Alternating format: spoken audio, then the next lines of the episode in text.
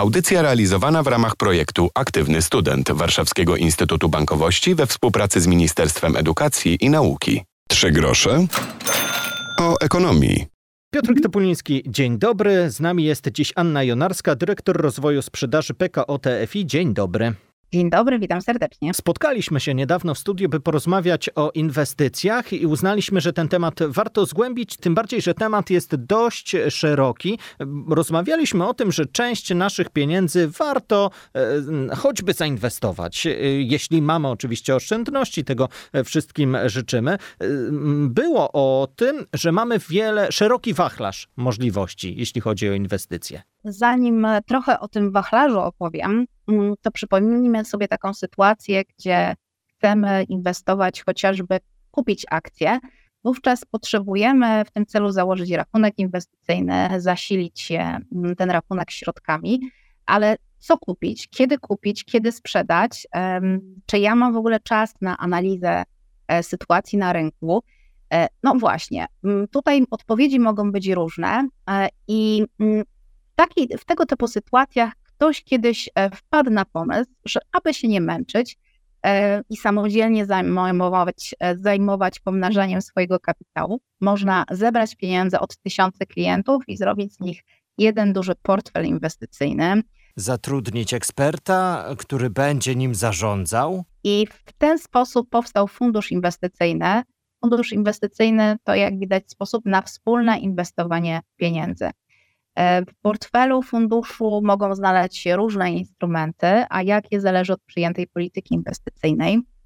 I tutaj e, wpłaty dokonywane przez klientów e, u nas uczestników są przeliczane na tytuły uczestnictwa jednostek lub certyfikaty inwestycyjne i wyrażają one taki proporcjonalny udział klienta w majątku funduszu. I fundusz inwestycyjny i jego aktywa pozwalają na nabycie większej liczby różnorodnych instrumentów finansowych, dzięki czemu fundusz dokona rozproszenia ryzyka efektywniej niż gdybym miała to zrobić samodzielnie, kupując na przykład akcje na e, rachunek inwestycyjny. Jeszcze warto zaznaczyć, o czym już trochę mówiliśmy, tę różnorodność rozwiązań funduszy inwestycyjnych Możemy wybierać spośród szerokiej gamy funduszy obligacyjnych, mieszanych, akcyjnych, dopasowując je do swojego profilu ryzyka i celów inwestycyjnych. Tutaj mm, pojawia się jeszcze skalowalność. Często mm, towarzyszy inwestycjom taki mit, że no, ja muszę mieć nie wiadomo ile środków, żeby zacząć inwestowanie. To jest nieprawda, bo już minimalna pierwsza wpłata do takiego funduszu inwestycyjnego otwartego wynosi 100 zł, przy inwestowaniu też nie ma obowiązku regularnych wpłat a ta, mm, do funduszu, a ta górna granica tylko i wyłącznie zależy od naszego zdrowego e, rozsądku no i takiej kwestii związanej z potrzebą dywersyfikacji, rozproszenia tych aktywów chociażby na różne klasy. Co jeszcze ciekawego ma fundusz? To płynność. E, takiej płynności nie mają chociażby lokaty bankowe, bo jeśli umawiam się z bankiem na jakiś określony czas, to mm, jeśli nie dotrzymam tego czasu trwania inwestycji, to zwykle nie dostaję należnych e, odsetek. No tak, Natomiast tracimy przy... to, co moglibyśmy wypracować, ale tej cierpliwości nie mieliśmy. Tak, natomiast w przypadku funduszu inwestycyjnego otwartego, jeśli ja mam dostęp do mojej bankowości elektronicznej lub aplikacji mobilnej, w każdej chwili może, mogę złożyć zlecenie odkupienia jednostek uczestnictwa i w ciągu kilku dni e, te środki z tytułu odkupienia pojawią się na moim koncie. Nie ma czegoś takiego, że e, odsetki tutaj się zostaną nienaliczone, zresztą tutaj o odsetkach mowy nie ma. Więc te rozwiązania, już tak reasumując, w postaci formy inwestowania, jaką są fundusze, są w Polsce dość popularne i według danych analiz.pl krajowe TFI miały pod zarządzaniem na koniec października 308 miliardów złotych.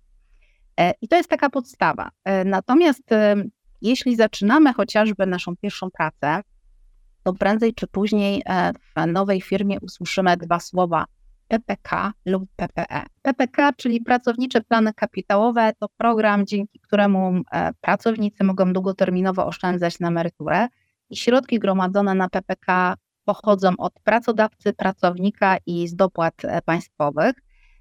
To jest jeden, jeden sposób lokowania razem z, pracodawców, z pracodawcą oszczędzania na emeryturę.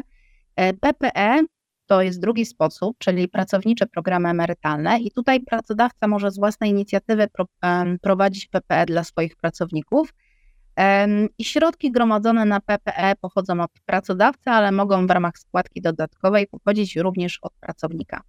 I tutaj ważna rzecz, że e, ani PPK, ani PPE nie, nie założymy samodzielnie, chociażby w banku, do tego jest nam potrzebny pracodawca. Natomiast jest na to alternatywa, postaci IGZE bądź też IKE, indywidualnych kont zabezpieczenia emerytalnego, indywidualnych kont emerytalnych.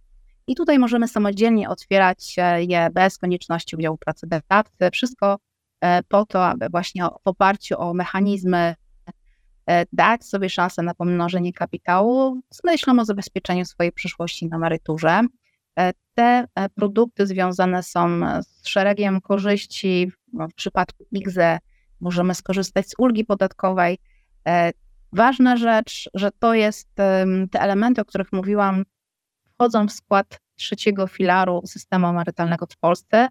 E, i mm, mowa tutaj oczywiście o długoterminowym inwestowaniu z myślą o zabezpieczeniu swojej przyszłości na emeryturze. Ten temat emerytury pojawił się przed momentem. Zastanawiam się, na ile świadom tego, że starszy nieco będzie, powinien być nasz, załóżmy, dwudziestoletni słuchacz. Jak zachęcać do tego, byśmy już część z tych naszych oszczędzonych pieniędzy przeznaczali na coś, co no, może się wydawać dość abstrakcyjne, na siebie, gdy będziemy lat mieli 65 czy 7? Myślę, że to jest pewnego rodzaju wyzwanie i tak jak e, pokazują nam różnego rodzaju badania, kiedy jest ten etap e, w naszym wieku, kiedy zaczynamy myśleć e, w ogóle o zabezpieczeniu swojej przyszłości na emeryturze, to badania pokazują, że to są mniej więcej 40-latkowie, którzy zaczynają swoje pierwsze kroki z IGZE i IKE. Myślę, że to wszystko zależy od bardzo indywidualnej sytuacji e, naszej. Natomiast, żeby zachęcić chociażby do IKE, to ja powiem, że wpłaty e, dokonywane w ramach indywidualnych kont emerytalnych, tam jest też możliwość zwrotu. To nie jest tak, że my po pierwsze musimy dokonywać tych wpłat regularnie. E, wystarczy tak naprawdę minimalna kwota wpłaty, to może być 500 zł, to może być 100 zł E, natomiast e, my w ten sposób gromadzimy kapitał i w momencie, kiedy znałam takie sytuacje klientów, kiedy była potrzebna ta e, poduszka finansowa, można dokonać zwrotu częściowego i w ten sposób można, ten program nie zostanie zlikwidowany, więc to jest dobry taki sposób na na formę e, inwestowania. I też wydaje mi się, że całkiem niezłą strategią jest właśnie przyjęcie tego oszczędzania na trzy filary i nie zapominanie o tym, że w przyszłości będziemy mieli jeszcze jedno, może nie źródło, ale szufladkę, w której trzymaliśmy przez te lata naszej kariery długiej i e, owocnej w sukcesy jakieś jeszcze dodatkowe środki. To prawda, tym bardziej, że za kilkadziesiąt lat nie będziemy pamiętać o tym, że korzystaliśmy na przykład e, ze świetnego telefonu, natomiast nasze IGZE czy też IKE e, przypomni nam o tym, że pamiętaliśmy dobrze e, o sobie, będąc no, w wieku 20 czy też 30 lat. To na koniec naszej rozmowy. Powtórzmy może jeszcze, gdzie możemy szukać informacji na temat tej wiedzy ekonomicznej, inwestycyjnej, kto może służyć pomocą, bo to są często sprawy, o których w szkole to może się wspomniało na jednej lekcji przez chwilę. Na studiach, no to też bywa różnie. Jeśli mamy szczęście, to trafiamy na różnego rodzaju inicjatywy związane z edukacją ekonomiczną, no ale są to sprawy, na które warto spojrzeć świadomie, jako dorosły człowiek, z pewnym też spokojem, a nie w pośpiechu między zajęciami. Powiem paradoksalnie, że tej wiedzy nie trzeba w żaden specjalny sposób szukać. Ona jest dostępna e, od ręki. Każdy portal informacyjny ma moduły dotyczące gospodarki i finansów. Są e, inwestycyjne portale tematyczne. E, my w grupie PKO Banku Polskiego zapraszamy naszych klientów na cykliczne webinary inwestycyjne, gdzie odpowiadamy Między innymi, jak dobrze, jak dobrze przygotować się do inwestowania, jak chronić swoje pieniądze przed inflacją, jak poradzić sobie z emocjami przy inwestowaniu. E, I takie materiały są również ogólnodostępne na YouTubie, na naszym kanale Dzień Dobry Inwestycje PKO Bank Polski. Dobrym nośnikiem wiedzy jest również strona internetowa Towarzystw Funduszy Inwestycyjnych, w tym e, nasza, gdzie publikujemy cotygodniowe komentarze rynkowe, ale też informujemy o naszych projektach, aktywnościach związanych z prowadzoną edukacją inwestowaniu. Także tej wiedzy jest dużo, e, wystarczy znaleźć medium, które E, nas w jakiś sposób zainspiruje do tego, żeby czytać częściej i e, zaglądać cyklicznie do tego typu.